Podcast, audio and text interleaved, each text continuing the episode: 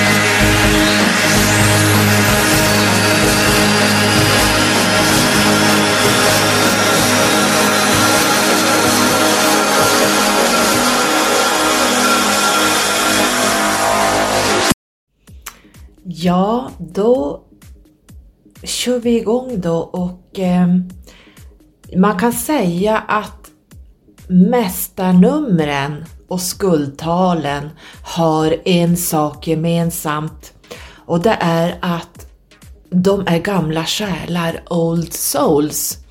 De har eh, been around the corner, alltså de, eh, alla mästare och eh, alltså mästarnummer 11, 22, 33 och de som bär skuld med sig har varit här många gånger i många olika liv. Det man också kan säga är att Numerologin handlar i stort om två saker också och det är själskontraktet du skrev på innan du inkarnerade här som fysisk människa. Varifrån du än kommer.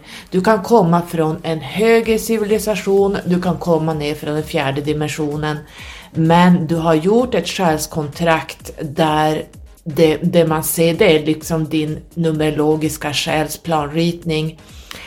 där man ser exakt vad det är man har skrivit på. Det är ett själskontrakt och sen är det en sak till att Numerologin handlar om cellminnen från tidigare liv. Och de här cellminnena kan vara från andra civilisationer och de kan vara från tidigare liv som fysisk människa. Så det vill jag ha sagt som första sak här att mästarnummer och skuldtal har gemensamt att de är gamla själar och Numerologin handlar i stort om själskontrakt och cellminnen. Det betyder inte att eh, man automatiskt är en master teacher om man har skuld. Man kan ha skuld utan att vara en mästare, men eh, de som har både ett mästartal och eh, kanske flera mästartal i sin planritning och bär på skulder och kanske även karmiska läxor, ja då förstår ni att den personen lever högst ett utmanande liv kan man säga. Så eh, jag tänker vi ska gå in lite grann på det här idag och jag tänker att vi börjar med mästarnummer 33 eftersom jag kan den på mina fem fingrar då jag är en master teacher. Och för dig som eh, inte vet vad mästar 33 står för eh, som inte har den, du kanske inte har din numerologiska planritning, så kan det ändå vara intressant om du kanske har en sambo eller en eh, eh, andra hälft om man säger det, eh, som är en mästar 33 Du kanske har barn som har en född med en mästar 33 Du kanske har eh, föräldrar som är mästar 33 Du kanske har syskon som är mästar 33 och så vidare. Så då är det väldigt bra att eh, lyssna på det här avsnittet för då får man liksom mer förståelse vad mesta 33ans eh, vibrationer står för och eh, hur de personerna verkar i det här fysiska livet i sitt själskontrakt. Jag kom också på att jag ska också nämna det att eh, vi kan ta min son som exempel. Han är ju på sin livsväg längst upp. Där är han en, mäster, en master teacher 11, alltså en mästarelva. Och i sin tredje del. Vi hoppar från första delen av livsvägen. Nummer två har vi ödestalet, vem det är man kommer att bli i det här livet. Vad man, vad man kommer att utöva, vad man kommer att jobba med och så vidare. Och nummer tre räknar man ut själstalet. Och där är han också en master teacher 11, alltså en mästare 11. Så låt oss säga att han hade haft bara ett tal 1 till 9 på livsvägen och inte sin mästarelva, då hade han inte varit en master teacher. Men så hade han bara haft sin master teacher i själstalet och inte på livsvägen, då är han ingen master teacher. Men i sin själ så har hans själ valt att även ta in den vibrationen vad själen går in för att lära sig i det här livet. Själen kan man se som en ryggsäck som innehar massor med information och cellminnen från tidigare liv. Och här i, i min sons planritning så har han även valt en en mästarelva i sin själ också för att verkligen förstärka elvan elvans vibration så jag vill bara ha det sagt att man är ingen master teacher om det inte ligger uppe på livsvägen men man kan ha mästarnummer på andra ställen än längst upp. Men man är ingen master teacher men det blir en vibration som ändå ligger och sänder hela tiden så att jag ville bara säga det så vi har det sagt. Rent allmänt kring mästarnumren är ju att de ges endast till gamla själar som jag sa. Och man har då utvecklat så pass mycket att man klarar av den här enorma energin i det här livet. Det är ett kontrakt som är skrivet före man gick in i det här livet, alltså det är redan förutbestämt att du skulle ha den här mästarvibrationen med dig ner. De här själarna är ju gamla själar som har levt genom massvis av liv som jag sa det är en master degree kan man säga att man verkligen har jobbat sig upp till den här mästarpotentialen och man föreställer sig då innan man går ner att man ska klara det här på de nivåerna som man har skrivit på. Det finns ju då massvis med cellulära minnen som flyter omkring i dig, i ditt DNA, som gör att du har helt klara minnen från tidigare liv, du bara vet saker. Eh, många anses vara lillgamla som barn, alltså de är väldigt kloka och har svar på saker och ting. Där kan jag relatera till min egen son trots att det känns väldigt utmanande och tungt emellanåt i ditt liv så ska du komma ihåg att du har skrivit på för det här hur tufft det än må vara och kännas. Du är ju egentligen bara lite mer senior, avancerad än de andra eh, människorna som har 1 till 9 på sina livsvägar. Och man kan också säga att Master 33 och eh, Livsväg 7 är andliga vägledare eh, rent allmänt. Och om ni tittar på min Instagram där jag skrev om den här triangeln 11, 22 och 33, hur allt hänger ihop, så kan ni gå in där och läsa jag tror det var 13 februari när jag har skrivit om eh, de tre mästarnumren. Och man kan då säga att Mästar 22an har varit en mästarelva någon gång i det tidigare liv. Mästarelvan får ju allt nedladdat på ett kick. De tar ner allting väldigt lätt. Men Mästar 22an tar ner de här downloadsen eller saker som man tar ner och gör någonting av det i praktiken. De är ju eh, byggarna kan man säga i Mästar22an. De gör praktiska saker av det de får nedladdat. Och eh, Master 11 är ju en feminin energi medan Master 22 är maskulin energi. Den maskulina energin betyder inte att det är manligt, det betyder att man får saker och ting till att bli. Det är en doer. Om ni tänker er månen och solen, solen är ju en, en manifesterande eh, som, som får saker till att bli. Älvorna har ju idéerna Eh, man kan inte riktigt grunda det i fysisk form som masterbilden i 22an kan. Och det här kan ju då leda till frustration, ni vet 11 kan ju ha mycket frustration för de har så mycket nedladdade saker som de egentligen inte kan sätta i verket som 22an kan. 22orna eh, å andra sidan kan ju kämpa med byggandet, eh, att få det till att bli bra, för de känner ofta att de inte är bra nog. De har inte så mycket tillförlitlighet till, till sig själva. De vet att de, de, de kan ner, ta ner allt det de får ner, downloads, och sen ska de göra något fysiskt av det här och där blir det crash för att de har inte tilliten, att de tycker inte att de är bra nog. Och Mästar 33an i sina tidigare liv har varit både en mästarelva och en 22 Så jag som är en mästar 33, jag har både varit en 11 och jag har varit en 22 och jag har provat på 11ans feminina sida och energi och 22ans maskulina doer energi.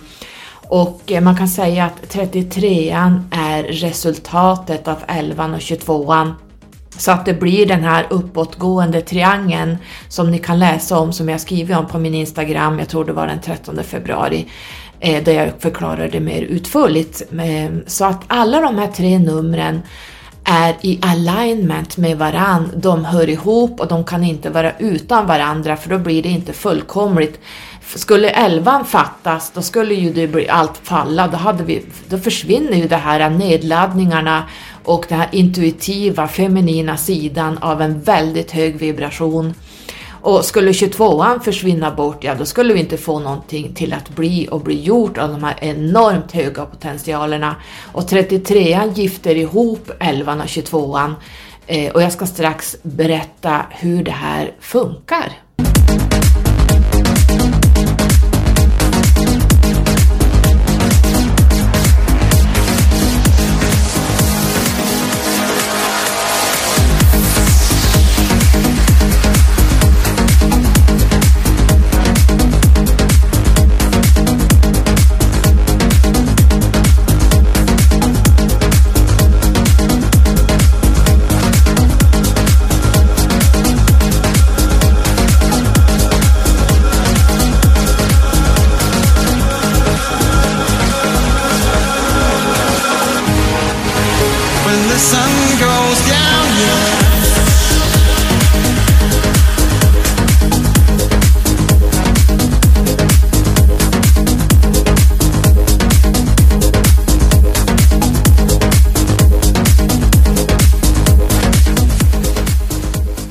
Man kan säga om Mästar 33 är att om man inte bär på den här vibrationen själv så kommer man absolut inte att kunna förstå den.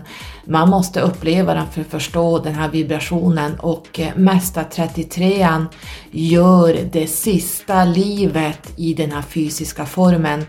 Det vill jag verkligen ha sagt att ni som har Master Teacher 33 uppe längst upp på livsvägen, ni gör det sista livet här.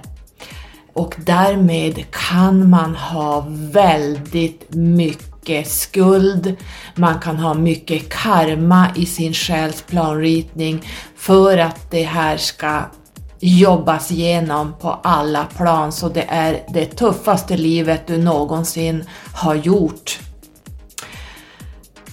33an kan man säga är Christ Consciousness. Det är alltså ett Kristusmedvetande. Nu pratar jag inte ur Bibeln utan jag pratar om, eh, jag skulle vilja använda ett annat namn än Kristusmedvetande för Kristus ses som Jesus och det gillar jag inte. Men vi använder det eftersom Numerologins eh, använder det namnet. Eh, jag skulle vilja kalla det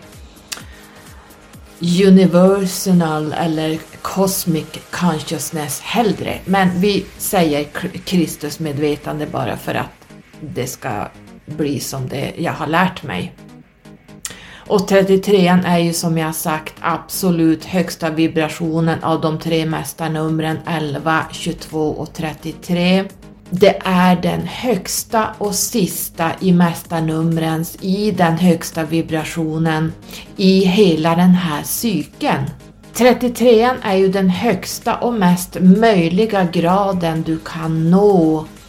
Och eh, ska vi då ta in Christ igen då så ser vi honom med 33 på bröstet på alla gamla eh, målningar eh, i kyrkor och sådär så har han 33 på bröstet. Det är kanske därför man använder 33an som Christ Consciousness.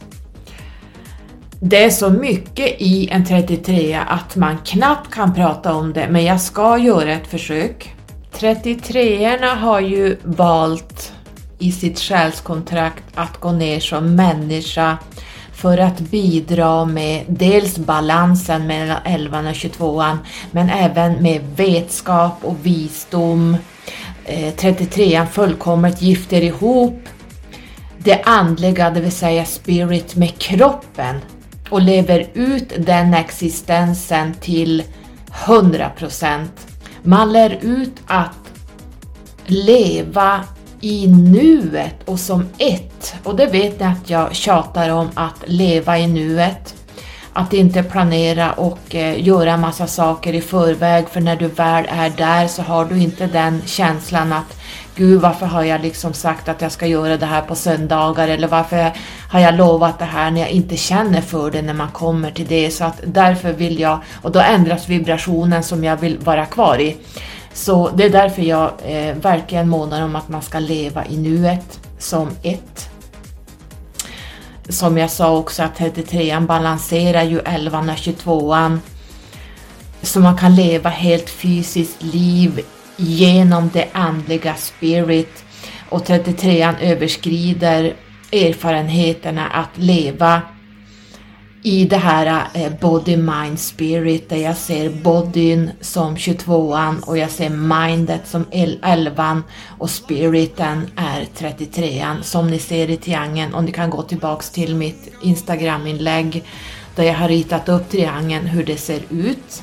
33an är ju väldigt andlig som ni förstår med betoning av väldigt psychic vad heter det på svenska, att man är psychic? Ehm, jag tror ni förstår det.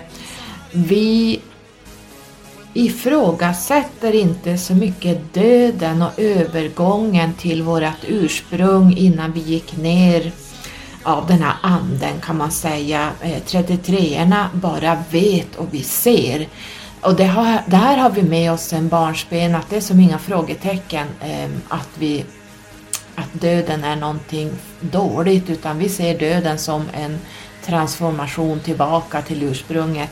33orna går ju genom livet ur ett hårt, tufft liv.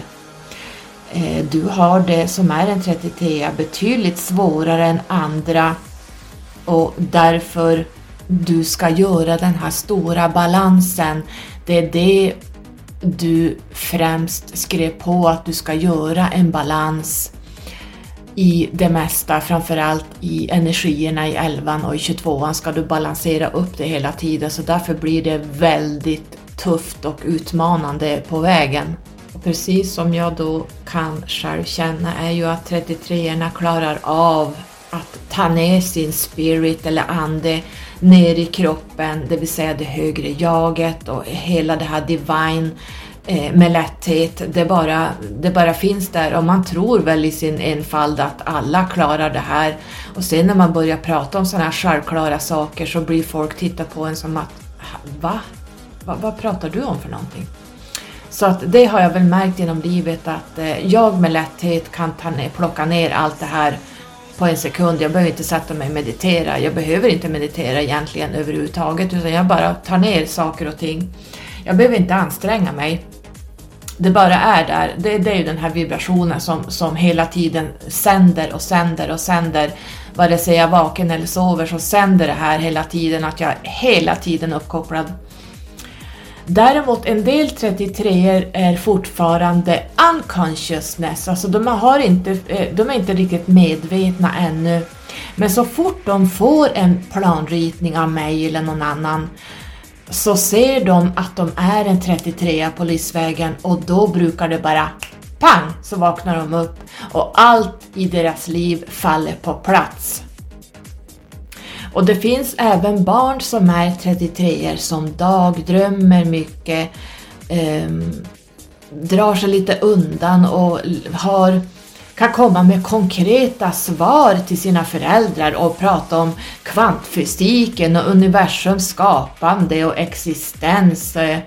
Pratar alltså helt otroliga saker med föräldrarna som de bara tappar hakan. Och de här barnen som är 33 kan många gånger ha låtsaskompisar som de pratar med. Det kan man ju eh, normalt sett om man inte är en 33 men specifikt 33orna eh, pratar ofta med andra spirits, att det kan vara bortgångna, det kan vara själsgrupperna man pratar om, det kan vara så högt upp som att man pratar med tidigare civilisationer man har varit i eller gått ner direkt ifrån.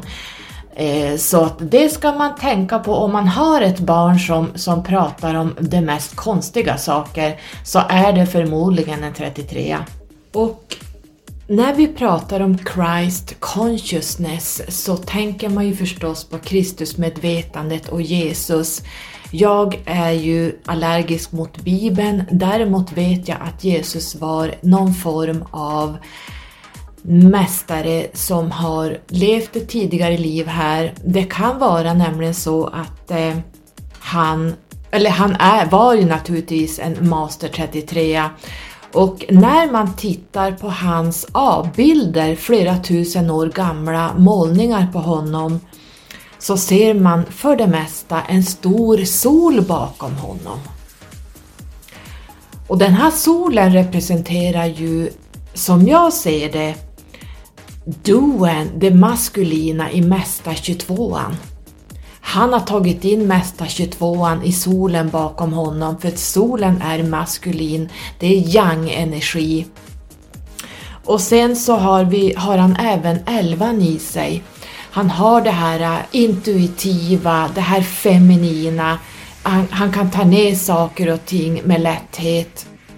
De bara vet allting och han har då gått ner som en mästar 33 där han har 33 på bröstet. Det betyder att hans uppgift när han gick på jorden var att balansera som mästars 33 balansera upp yin och yang. Han skulle eh, balansera eh, 11 och 22 och därför blev han en uppstigen mästare som 33 Sen om man börjar spekulera lite bakåt i de här tidsåldrarna, för ni vet ju att Jesus kom in i fiskarnas tidsålder där vi är fortfarande, eller i Kalis ljuga, Kali ljuga.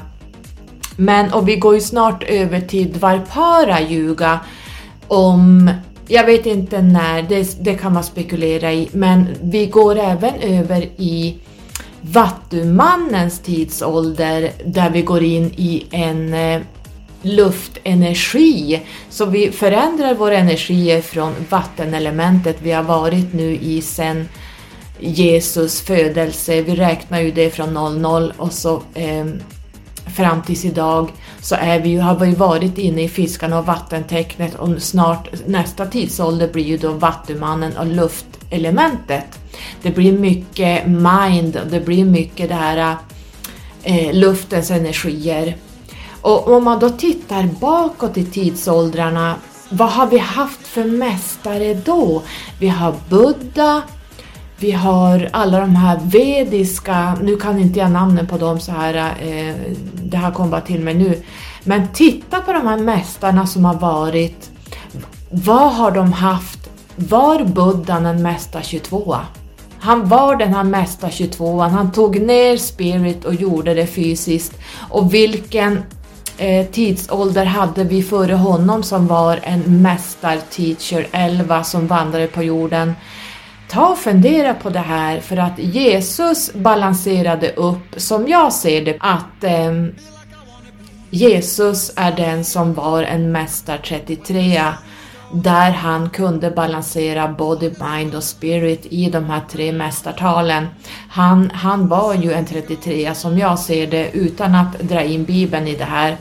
Så jag vill bara ha det sagt att titta lite grann och fundera på den här solen som är bakom honom. Den ser jag som 22-energin och 11 är, är hans intuitiva, att han pratar med det man kallar Gud som jag då ser eh, är någonting helt annat.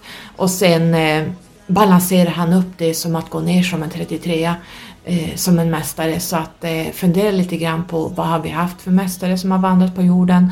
Kan man titta att de har varit 22 år eller 11 år? Så kanske man får lite svar där vad mästarnumren eh, egentligen står för. För att numerologin skvallrar om väldigt mycket.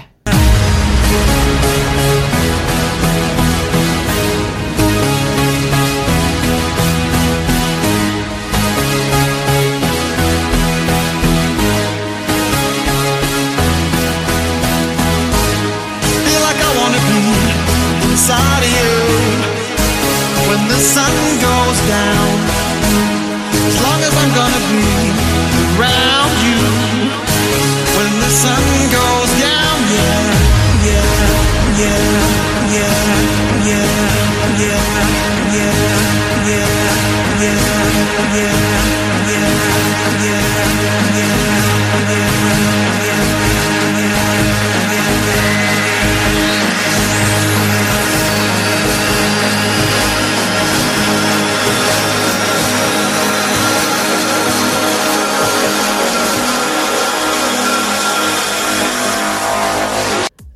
Flesta ouppvaknade, om vi får använda det ordet, eh, mästar 33 precis som jag själv har gått igenom ett väldigt tufft liv i mina, eh, min skuld, är man ju stängd. De här mästar 33 kommer någon gång under livet känna att det knackar på dörren. Och det knackar högre och högre så att man till slut måste svara. Det är en kallelse som kommer. Den börjar lite fint sådär och sen när du nonchalerar och inte bryr dig och slår bort det här så kommer den högre och högre och högre. Och svarar du inte då då kommer du att kastas över kanten till den graden att någonting fruktansvärt händer i ditt liv så att man ska förstå vem man är. Du ska gå in i ditt själskontrakt nu. Det här kom du ner för att göra. Nu har du gått igenom ett väldigt tungt liv och nu gäller det att börja lära ut det här du har gått igenom i din skuld som du har med dig till exempel. titta, om vi ska jämföra då med Jesus, vi kan gå in i han igen i att många kan eh, relatera till han. Han hade ju inget lätt liv. Han stötte på patrull var han än var. Så det är inte lätt att vara en 33 och det, idag lever vi i modern tid men det är fortfarande otroligt jobbiga saker som händer i 33ornas liv. Lyssnar du inte på den här kallelsen då kommer du till slut att kastas ut i någonting som, du, som verkligen gör att du börjar ifrågasätta hela din existens. Jag kan skriva under på det. 33 är också överrepresenterade av ärlighet. De, eh, eller vi kan jag ändå säga, vi är så ärliga så att det ibland blir jobbigt. Det är på gott och ont som jag brukar säga. Eh, vi är otroligt caring, alltså omvårdnaden, omhändertagande. Men vi kan samtidigt vara väldigt hårda kring det här med ärligheten och att eh, balansera upp eh, yin och yang, 11 och 22an. Så ibland så kan det krävas väldigt hårda metoder för att få igenom saker som vi har i uppdrag. 33orna sträcker ofta ut sin hand till de som man ser är i behov av just det här. Människor som man ser lider, som går igenom tuffa saker.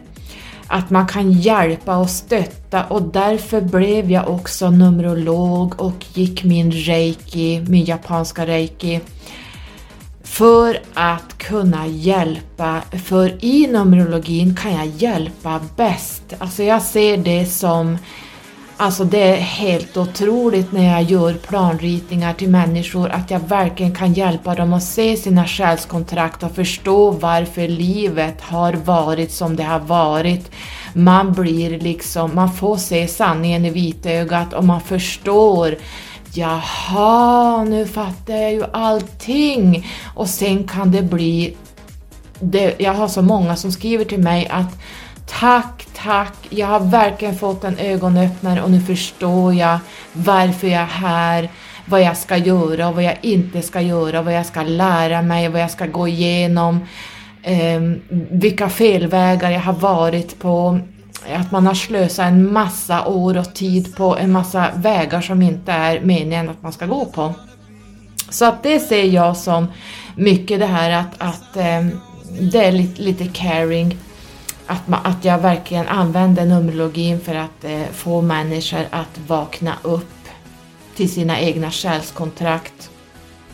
Men vi kan även söka upp kategorier av olika saker som behöver vår hjälp, till exempel runt kvinnojourer, kvinnornas väl och ve, eh, djuren som du vet att jag strider om, som jag pratar mycket om, naturen, eh, barn som far illa. Allt det här är ju också, ingår ju också i 33ornas det här är verkligen omvårdnad att ta hand om och eh, gå in i tuffa situationer helt orädd att hjälpa människor. Och någonting som jag själv kan verkligen skriva under på det är att man kan gå in mitt i stridigheter, faktiskt riktigt farliga situationer där jag liksom har fokus på någonting, en person som jag ser, som jag plockar in i den här fruktansvärt farliga stridigheten och situationen och gå fram till den personen och säga Är, du, är det okej? Okay? Mår du bra?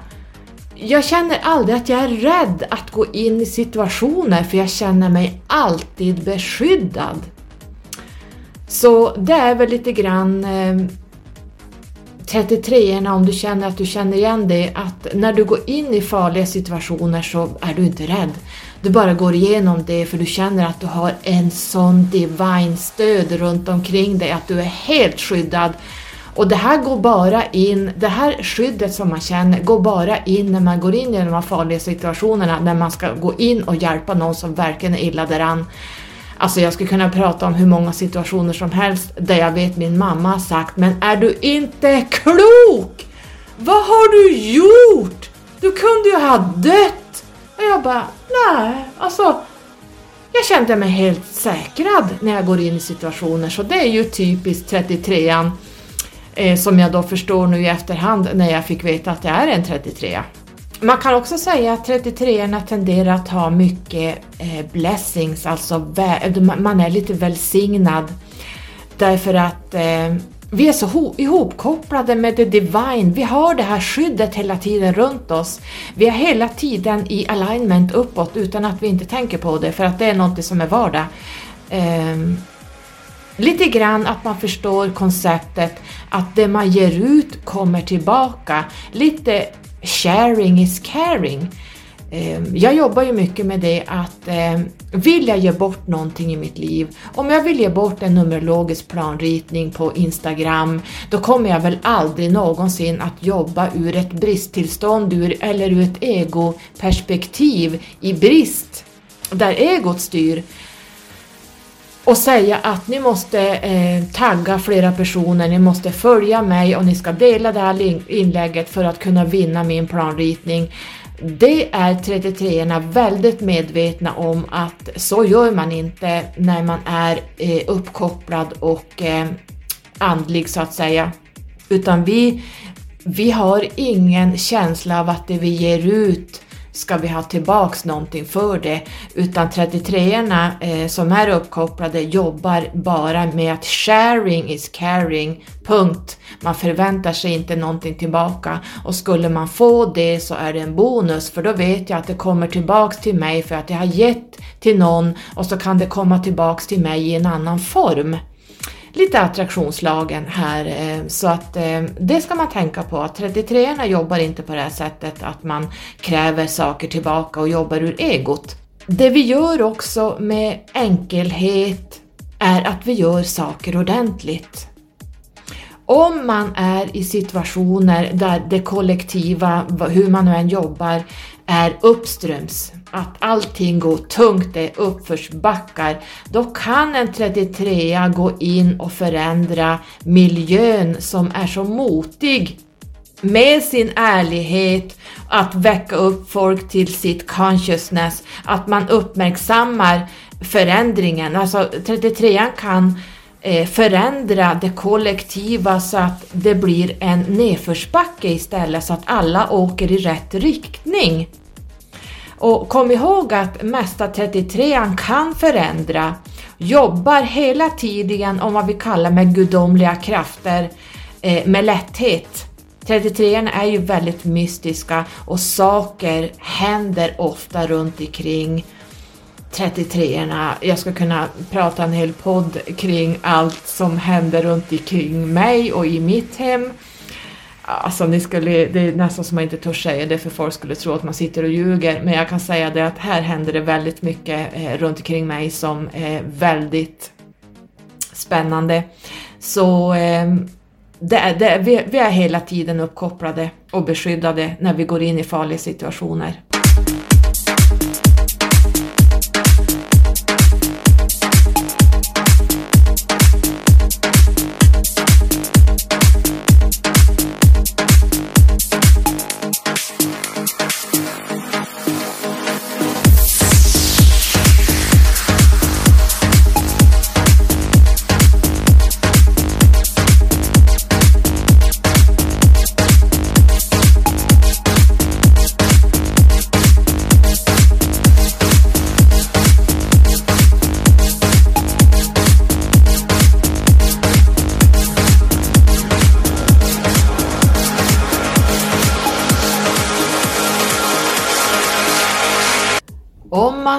Säga då just för Mästar 33 är att, som jag sa inledningsvis, att det här är vårat och ert sista liv här.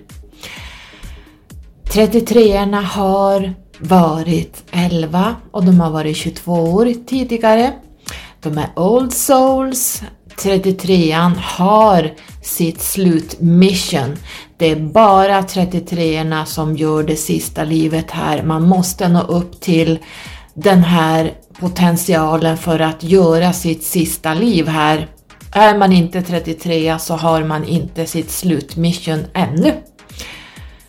Så det är till att titta på era planritningar och jobba bort, jobba bort karman, jobba bort era skulder så att du någon gång kan ta dig ur den här never ending cycle storyn som bara går runt, runt. Därför att människor vägrar bättra sig, människor vägrar se på sina skuggsidor. Människor vägrar att släppa egot. Det är me, myself and I och vad jag kan vinna på det här. Vad kan jag bli stor på? Vad kan jag öka min popularitet i? Så man måste jobba även med skulderna här och de pågår hela tiden. Varje ny dag som man vaknar till. Jag har ju satt upp min skuld på kylskåpet så att jag inte ska glömma den. Så varje ny dag jag vaknar så vet jag den här dagen gäller även den här skulden i allting jag möter den här dagen. Det är varje dag man ska jobba med de här skulderna.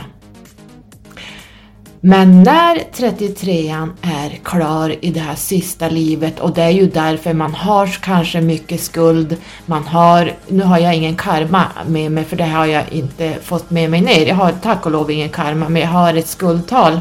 Ett av de värsta skuldtalen man kan ha av de fyra som finns. Ehm, så blir man en guide man går tillbaks efter man har gjort den här 33-livet att assistera mänskligheten för ett högre medvetande. Man blir vad man kan kalla det en uppstigen mästare eller liknande. Man kan även eh, gå tillbaka från en annan civilisation. Jag kommer att gå tillbaks till Sirius förstås. Och jag kommer att de som vill kanalisera ner eh, 9D oneness-energin så kommer jag troligtvis att sitta och hjälpa dem som tar ner den vibrationen. Ni som är mästar 22 år, dra åt er öronen nu, Klarar ni av era skulder och karman i det livet ni har nu som Mästa 22 där du ska jobba i Mästa 22 jag ska någon gång prata om den också, så har du ett ett liv kvar här att göra om du klarar av dina läxor och dina skulder och faktiskt jobbar i 22ans byggande och verkligen tror på dig själv så har du ett liv kvar. För du har hunnit, du har gått igenom 11 redan, du är på 22an och nästa liv kommer du att gå in som 33 och sen är du också klar. Så eh, här ska man hela tiden inte tänka att man skjuter saker och ting framför sig. Att nej men det där har jag inte tid med nu, det där orkar jag inte nu, nej det är så jobbigt just nu så jag orkar inte ta tag i det här. Gör allting nu. Det, det finns inte tid. Alltså jag lever på eh, jag känner att jag hinner ingenting med tanke på att jag har slösat bort mer än hälften av mitt liv på en massa skitsaker som inte var värt och jag förstår idag varför jag var tvungen att leva i det här för att jag ska kunna lära ut det. Men det känns ändå som slöseri. Jag hade ju önskat att jag hade fått vaknat upp som min 33 som 15-åring, ni vet. Förstår ni vad man har kunnat göra? Oh my god. Men eh, nu var det inte så, så eh, tänk på det att ni börjar redan idag att jobba med planritningen, eh, det som står där lärdomarna, eller vad vi ska kalla det, för 33orna är ju väldigt viktigt att hålla sig grundad. Och här tror jag att jag gjorde det väldigt enkelt för mig själv när jag gjorde min plan. Det var att jag föddes in som ett jordtecken i stenbocken. Och vi är ju väldigt grundade och jordade så att där eh, har jag lite snålskjuts att jag är redan väldigt grundad som stenbock. Så jag behöver inte grunda mig så mycket utan det, det ligger i min, min energi så att säga att jag är eh, 33 kräver egentligen att man ska hålla sig grundad. Så därför jag vill tacka att jag gav mig själv den eh, gratis eh, energin. Eh, 33 är väldigt down to earth, alltså väldigt eh, jordliga, vi pysslar inte med så här unicorns i fjärde dimensionen utan vi jobbar betydligt högre, vi jobbar direkt från det högre jaget. Vi jobbar med det högsta medvetandet som ska giftas ihop med kroppen eh, och eh, body, mind, spirit och vi leder också by example, alltså med exempel i, i det vi redan har gått igenom i livet. vi vet vad vi pratar om. Vi lever i nuet. 33orna har inte det här äh, som jag pratade om tidigare, att man vill bli någon, att bli avgudad, att bli uppsatt på en piedestal, att vinna eh, följare, att vinna status, att vinna eh, kontakter på olika sätt genom sociala medier. Utan att få mänskligheten att förstå att man är multidimensionell. Och att jobba bort de här ego och även skuggsidorna, att höja sig till en högre nivå och bli medveten. Det är liksom de lärorna vi verkligen kan på våra fem fingrar. Och så fort en 33 har det riktigt tungt så kommer eh, att man känner att man vill ge upp, alltså nu orkar jag fasen inga mer motgångar, nu orkar jag inget mer, alltså nu skiter jag i det här, jag går och hänger mig. Så går den här 33 energin in och tvingar oss att fortsätta. Vi får helt enkelt inte ge upp det här kontraktet och det här missionet.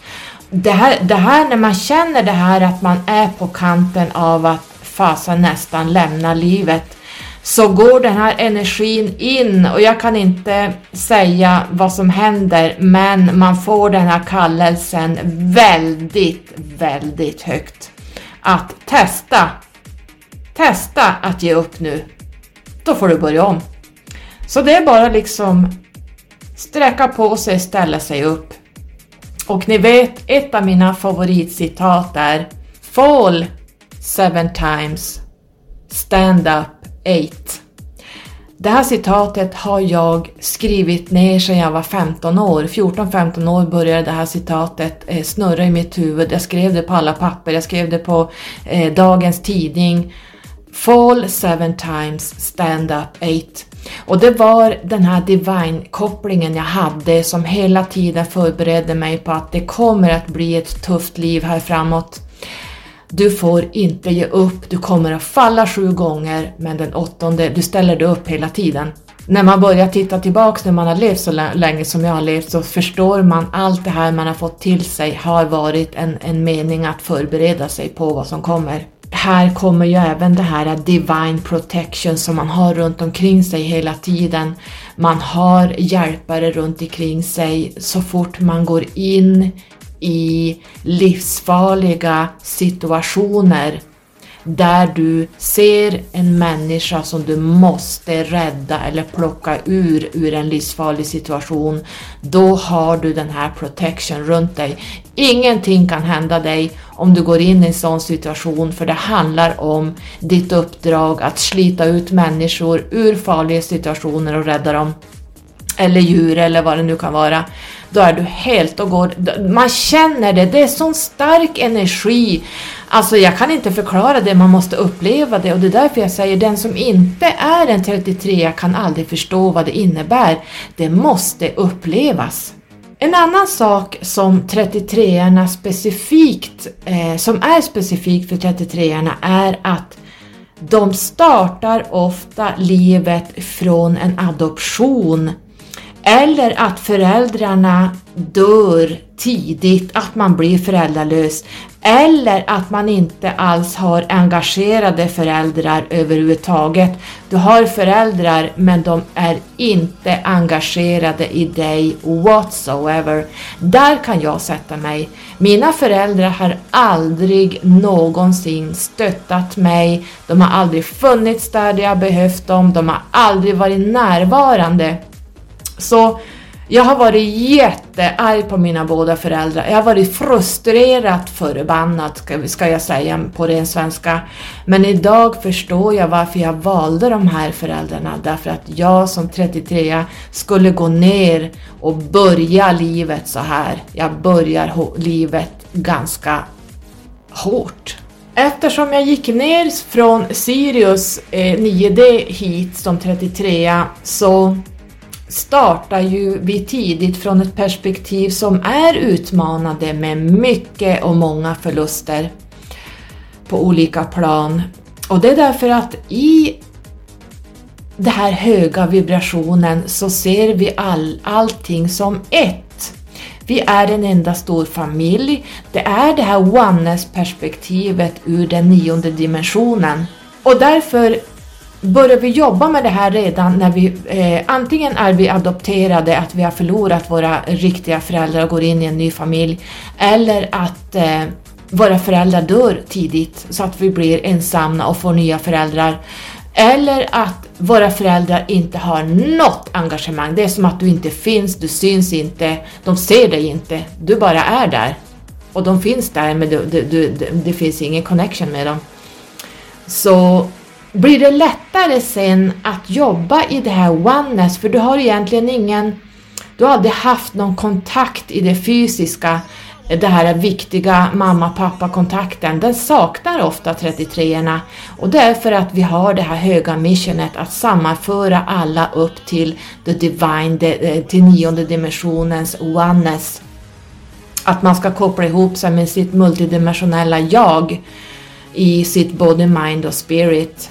33orna kan ju också vara otroligt tuffa, som jag är. Eh, modig, som jag är. Samtidigt är mig väldigt caring. Ni vet att jag jobbar inom akutsjukvården i, i över 30 år. Vi är väldigt hjälpsamma, vi är omhändertagande, men ser vi situationer där eh, balansen inte är bra, när det finns våld, det finns farliga situationer, då går vi in direkt och är väldigt rakt på sak och kan verkligen gå in och göra förändringar.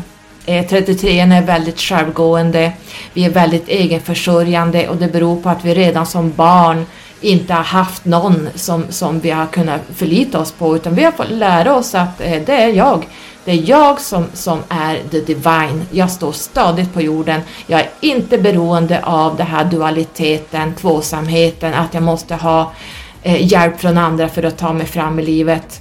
Hur ska vi annars kunna hjälpa andra att bli detsamma och komma ur den här dualiteten och polariteten om vi inte kan leda lead by example som jag brukar säga. Så vi bygger upp en trygghet hos andra, försöker hitta skuggsidorna, att man ska bli medvetna om det på gott och ont. Det kan bli käftsmällar men det, är, det har en, en, en betydligt djupare betydelse bakom. Man liksom går bakom och puffar på folk som att de nu tar du tag i det här, se det här vad du håller på med, eh, bla bla bla, så att man verkligen ska bli medveten. Vi bygger ofta upp oss själva först och sen hjälper vi andra Eh, det är ungefär som på flyget man säger när de här syrgasmaskerna faller ner, hjälp dig först själv och sen kan du hjälpa andra. För skulle vi hjälpa andra först då, då, då är man ju själv så då blir det liksom en pannkaka av alltihop. Så man, hjälper, man bygger först upp sig själv från grunden och sen kan vi hjälpa andra genom våra lärdomar som vi då har med oss, att vi är, är uppkopplade hela tiden. Lärdomen här också är att inte, Eh, när man tappar balansen i 33 då kan man vara lite för mycket i 11 energin, det här är feminina, andliga, att man bara håller på med det och man bara sitter och mediterar och eh, stänger in sig och eh, bara jobbar med divine så att säga. Eller att man bara är i det fysiska och är bortkopplad från the divine och bara jobbar på det fysiska. Utan det är balansen som vi är eh, våran nyckelord så att säga vi kommer alltid ha en fot i det gudomliga, eh, det universella, kosmiska, andliga, mediala och en fot på jorden som fysisk människa och där har vi, försöker vi hela tiden ha balansen. Det får inte, den ena sidan får inte bli för dominant för den andra utan 33ans eh, uppdrag är Christ consciousness, att man är i alla tre eh, triangelns sidor så att säga. Är det något mer jag vill säga där? Lite superhuman, super consciousness har vi. Jag gillar inte egentligen det här Christ consciousness i och med att eh, jag känner att det är mera eh, universellt kosmiskt. Men eh, vi använder eh, Christ consciousness eftersom vi hade en mästare som gick här som kallade sig för Jesus, men han är egentligen en Syrian en, eh, som kallas för Sananda. Han finns i Galaktiska federationen av ljus och eh, han var då, gick ner som en master 33 på jorden för att balansera upp 11 och 22. Då tänker jag att vi går in på skuldtalet 16.7.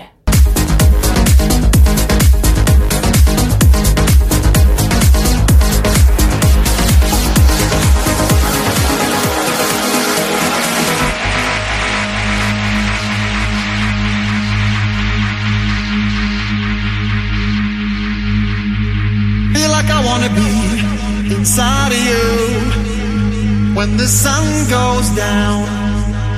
As long as I'm gonna be around you when the sun goes down, yeah.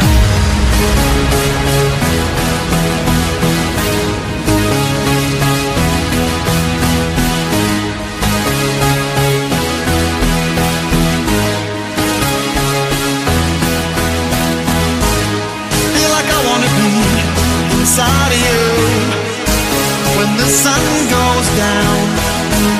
As long as I'm gonna be around you when the sun goes down, yeah, yeah, yeah, yeah, yeah, yeah, yeah, yeah, yeah, yeah, yeah, yeah,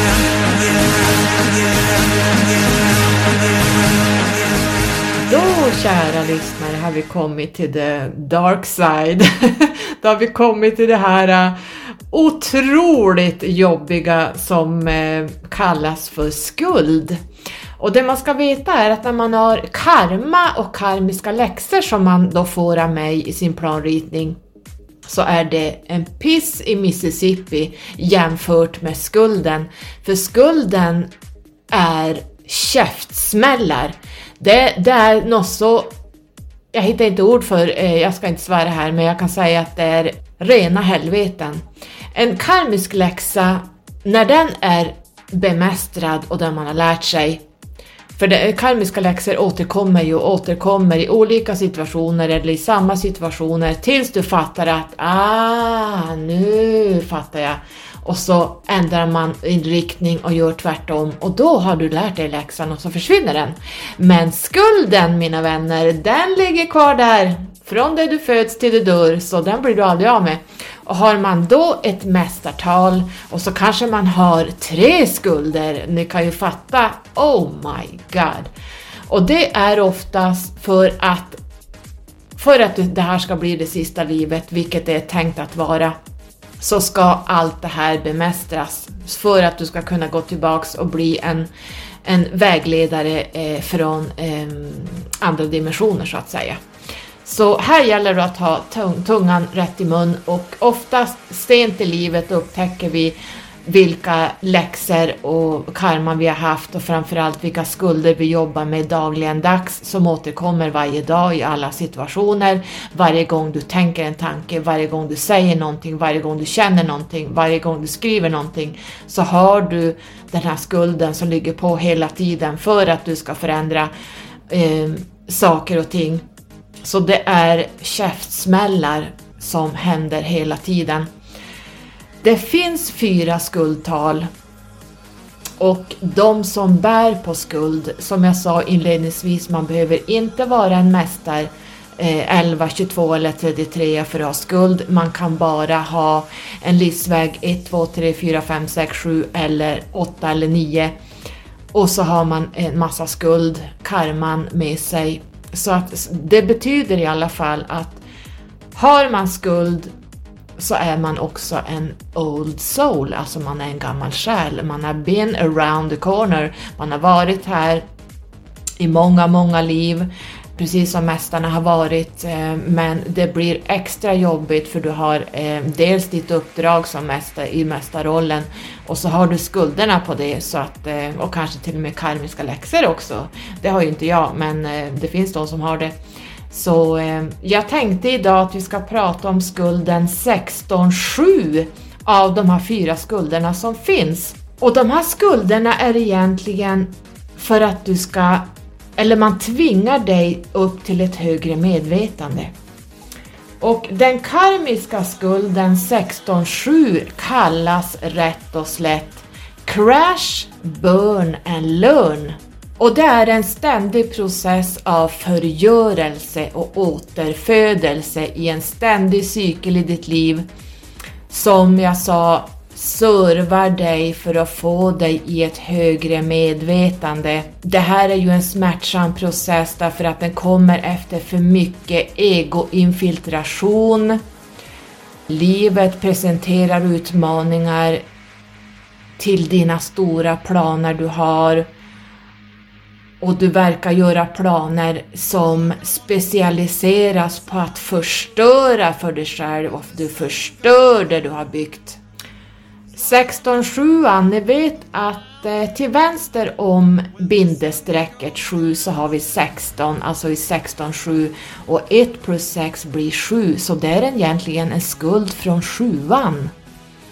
Därför att sjuan som ni vet är ju den här andliga vägledaren, den här tänkaren, den ensamvargen. Ehm, ja, jag har ju pratat om sjuan många gånger. Men sjuorna är framförallt en tänkare. De tänker och tänker och plötsligt så gör man saker som till exempel att man plötsligt säger upp sig från sitt jobb. Man kanske är otrogen. Man berättar eller förbereder inte andra som då för andra ses som impulshandlingar. Om man säger så här att man kanske har gått och tänkt på i tre år att man ska säga upp sig från sitt jobb. Man talar inte om det här för någon, men plötsligt så kommer du bara med en uppsägning.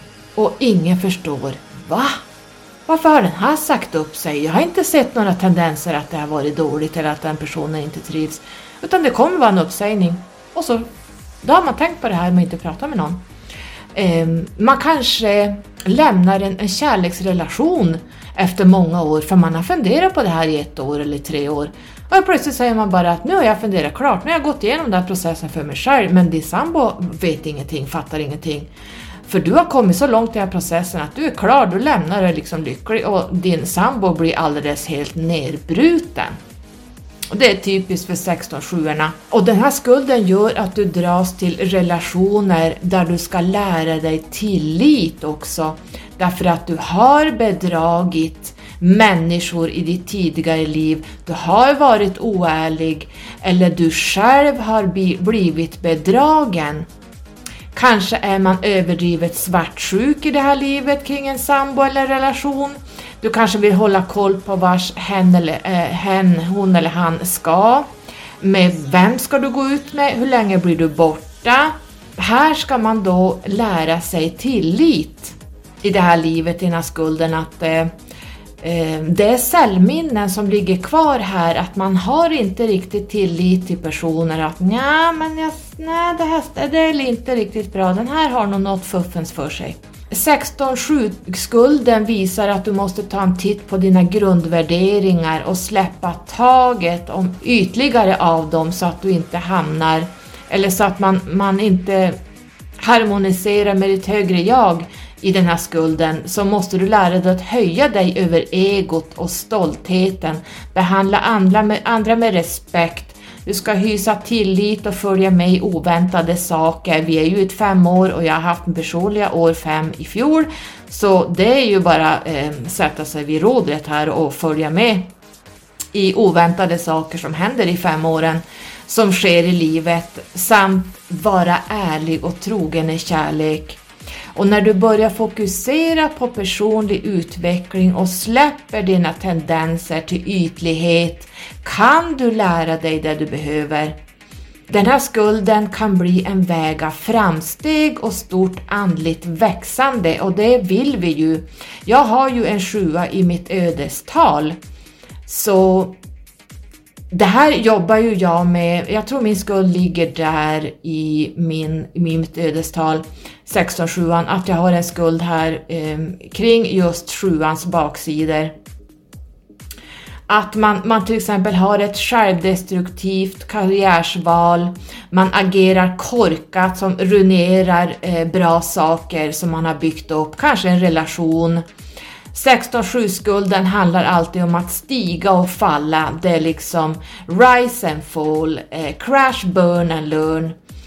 Det skvallrar också på att du i tidigare liv har haft lite kärleksaffärer i tidigare liv som, som inte har varit bra. Antingen så har du blivit bedragen eller så var du den bedragande personen.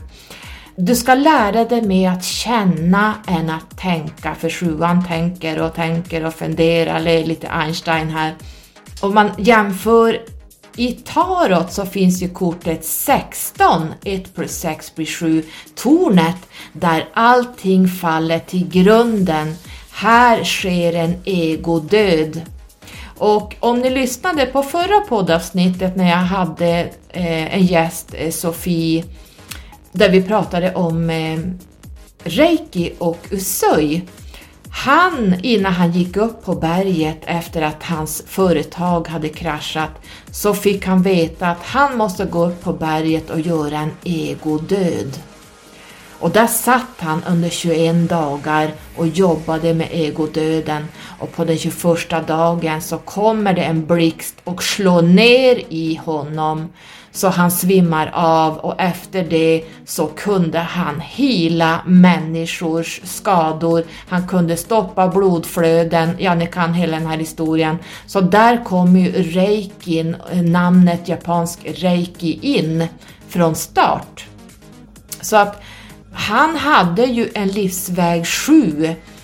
Så han gick ju in, han hade ju också en skuld 16-7 och eh, då gjorde han en egodöd för att gå in i sin sjuas bra eh, saker för att eh, jobba med det här så att säga. Det man också ska tänka på att din spirit eller din ande guider samt universum säger lita på oss. Universe always has your back. Tänk lite mindre, var lite mer i flödet här och bara följ med i de här förändringarna. Sitt inte och förstör för dig själv. Jobba inte i egot hela tiden, för jobbar man i egot då kommer den här läxan crash, burn and learn. Allt det du har byggt upp när det gäller egocentriska saker, då kommer den här läxan att, precis som metodet, allt du har byggt upp ur ett ego kommer att krascha och det kraschar inte lite ska jag säga, det kraschar till grunden. Tro mig, det här har pågått hela mitt liv. Så eh, om vi ska titta på mitt eget liv som har en 16-7 skuld så har jag jobbat ur egot väldigt många år. Jag har haft en eh, kennelprefix eh, där jag har eh, haft dobermann där jag har tävlat och tränat i dobermann i brukset, i spår och rapport. Jag har jobbat med mina hundar i lydnad, jag har jobbat med dem på utställningar runt om hela världen.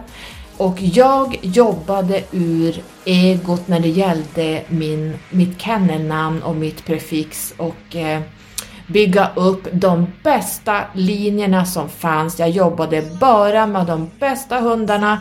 Jag hade eh, en tik från Belgien som jag betalade 35 000 kronor för plus alla andra omkostnader som rensade rent på utställningar. Hon vann lydnadsklasserna, alltså hon hade så höga poäng så att jag, ja, alltså det var helt otroligt.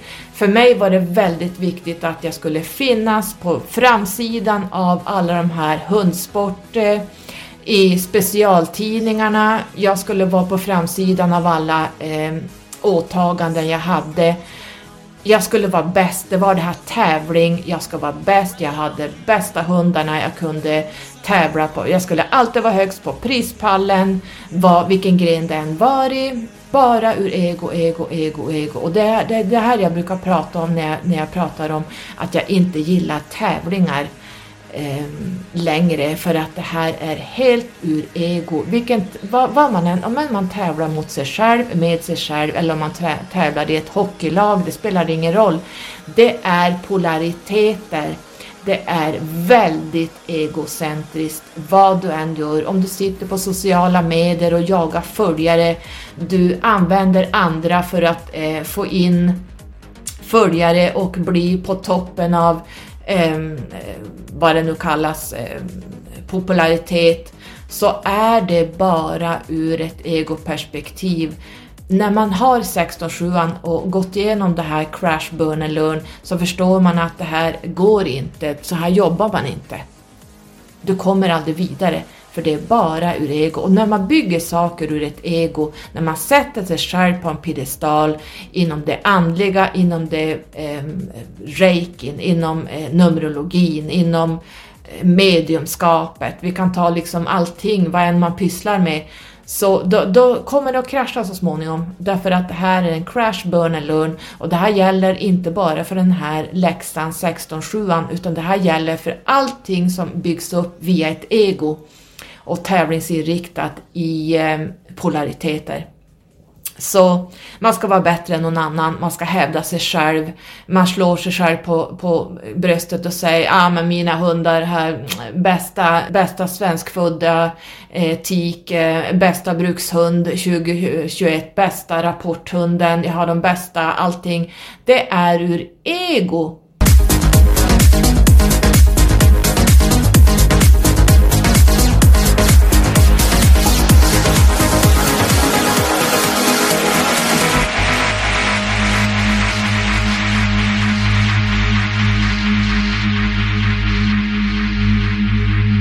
Vad hände då kring hundarna? Jo, min stamtik som vi då som hette Kachanese Black Label, hon var ju champion, hon kallades för Liz med Z. Det var hon som kom och räddade mig när jag höll på att dö om ni lyssnar bland de första avsnitten jag gjorde. Eh, hon kom alltså tillbaka eh, när, efter hon var död 10, 12, 13 år efter hon dött så kom hon tillbaka och höll mig vid liv i fyra timmar. Det var min stamtik Liz och hon hade en valpkull och sen skulle jag inseminera henne med en hanne ifrån Belgien och då, eh, med färsk sperma och sen eh, när den här eh, sperman skulle skickas på flyget från Belgien ända upp hit till Norrland så stötte vi på eh, snöstorm när vi skulle ut på flygplatsen. Det var kaos den här äh, spermierna hade hamnat på fel flyg.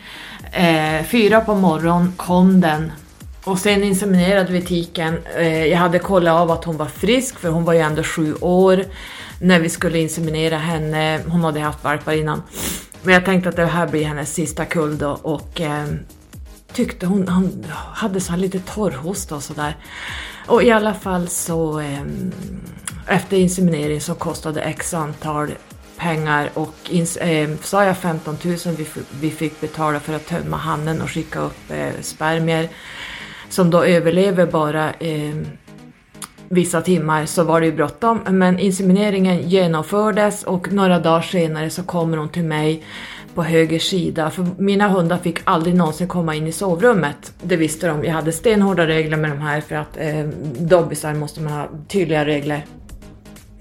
Men hon kom in i sovrummet och det skulle hon aldrig göra om, det inte, om hon inte ville någonting. Så hon stod bredvid sängen och jag vaknade och såg att hon var ju inte alls frisk, jag inte på någonstans. Så jag åkte direkt, eh, jag pratade med henne intuitivt som jag gjorde då eh, med allt, men jag tänkte inte mer, jag trodde alla gjorde så här.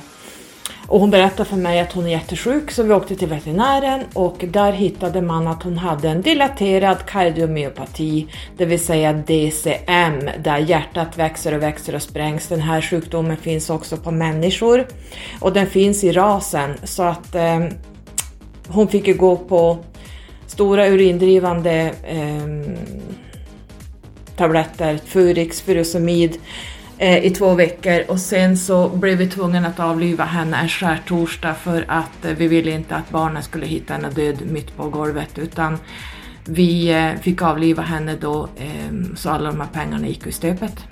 Nästa år så var det våran Hanne som min sambo tävlade med. Han var ju två år. Han hade ju rensat rent i brukset, i spåret, eh, jättesnabbt. Han gick som, en, som ett tåg framåt, alltså han bara eh, fick mer och mer meriter i brukset och han började plocka in certen för att bli champion på utställningar och eh, när vi var i stugan i Norge så upptäckte vi att han ville inte springa omkring när vi körde skoter, han ville inte vara med när vi var ute och pimplade fisk och sådär på isen. Så eh, när jag kom hem så stod jag och borstade av han ute på tomten och så ser jag en jättestor knöl på halsen. Så han hade högmalign lymfcancer och det tog fem veckor så var han död. Sen året efter, min importtik Ida, hon var fyra år. Hon hade jag kört ganska hårt i brukset, även drag på vintern. Kanske inte värmt upp henne som man egentligen ska. Hon var ju så här högexplosiv, eh, av och på-knapp. När hon stängde av så sov hon och när vi skulle göra någonting så var det explosivt tills hon stupar. Så hon var en riktig dobbis. Men hon eh, började helt plötsligt att eh, säcka ihop och börja skrika och eh, hon kunde inte stå på bakbenen. Hon började hugga omkring sig för att hon trodde någon gjorde henne illa och då vi hade barn hemma så var ju det här farligt. Så in med henne på veterinären och börja röntga igenom hela ryggraden och höfterna och knäna. Vi visste inte var det var. Och då hittade man att hon hade en spondylos på L7-kotan som eh, var riktigt dålig så vi gav henne kortison ganska många veckor, till och med månader och hon gick på smärtstillande medicin som inte hjälpte. Hon blev, eh, jag blev lite rädd att hon, när vi hade barn i hemmet och Oskar var ju liten då och hade mycket kompisar som sprang eh, överallt. Vi hade ett stort hus på 350 kvadrat. Så jag var tvungen att avliva henne för hon blev osäker och när en stor hund biter, och men hon eh, var världens snällaste, så när de är sjuka så vet de inte varför det gör ont. Så jag var tvungen att avliva henne då eh, tredje året och det fjärde och sista året då hade vi en import Hanne ifrån Gaindijk Slavnoj. Han kallar vi för Lasse. Han eh, eh, var väldigt ung, han var en skotsk import som också kostade x antal tusen att ta in. Där separerade jag och min sambo eh, när han var strax över året, 12 månader någonting. Och eh, när man då ska sälja huset och flytta in i mindre eh, så, och börja jobba, ingen är hemma utan när jag jobbar är det ju tio timmar man är borta, kanske flera dagar i rad.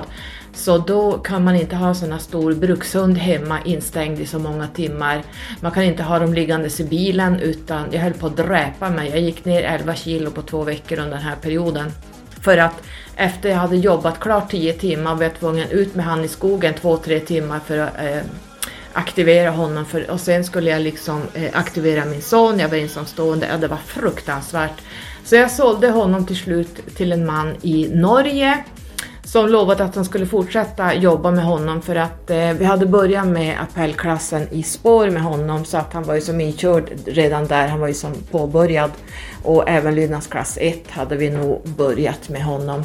Och eh, efter ett tag, några månader, så får jag meddelande att han har avlivat honom eh, av helt sjuka orsaker som jag inte trodde på. Så att det här var ju världens, världens snällaste hund. Så, eh, så var det med det och så var det slut med mitt hunderi. Så allt det jag hade byggt upp, alla, jag törs inte tänka mig, vi pratar hundratusentals kronor som bara gick i stöpet för att mitt ego ville tävla och jag ville bli en framgångsrik uppfödare och eh, ett kennelnamn som skulle stå på topplistorna. Så att eh, så kan det gå. Och med det här huset som jag byggde då med min narcissist så var det egot som, som styrde här att jag skulle få det bästa, snyggaste, exklusivaste huset i stan och det slutade på kvinnojouren. Så jag kan säga att eh, det här är två saker eh, som jag har fått eh, crash, burn and learn. Eh, jag förstod inte då, men idag ser jag det helt klart att det var den här skulden som går in så fort man använder egot.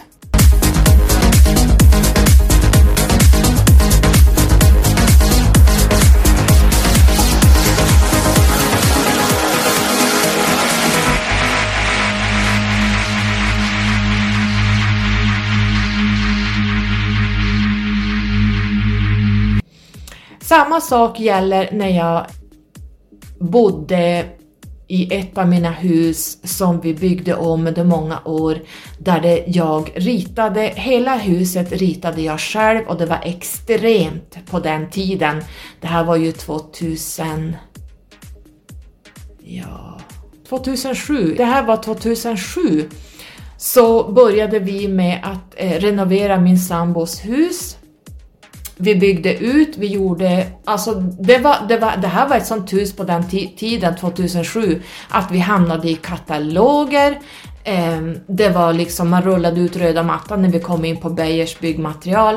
Vi spenderade så fruktansvärt med pengar, alltså det går, jag, jag törs inte ens tänka på det, det var helt sjukt. Jag skulle ha det snyggaste av allt, det skulle vara tipptopp, det skulle vara så estetiskt som det bara gick. Det var, jag skulle ha de bästa kläderna, själv körde jag omkring kring i en eh, Jeep Grand Cherokee 5,2 liters V8 till och från jobbet. Jag hade ju den för att jag hade mina hundar bak när jag var ute i skogen, men dock så var det det här statustänket. Eh, min son fick cyklar för 12, på den tiden 12-15 000 en cykel. Alltså jag skulle ha det senaste i kläder, eh, möbler, Ja, ni förstår, det är bara det bara där yta och vita, visa utåt sett eh, status. Och eh, det här är ju bara ur egot. Så det här var också en crash burn and learn. När det här rasade, för det rasar ju förr eller senare, och då förstod jag det inte heller. Men idag med Numerologin och med alla den personliga utvecklingen och titta på skuggsidor och titta på skuldtalen man har och, och 33an och allt annat som finns i min planritning så bara kan jag titta tillbaks. Ja men gud! Och jag förstår ju att det här skulle jag gå igenom. Annars skulle inte jag mött de här personerna och levt det här livet om det inte var meningen att jag skulle liksom lära ut kring den här egodöden och det här sättet att leva eh, ytligt och egocentriskt och i, ur egot. Så eh, skulden 16.7 handlar om crash, burn and learn.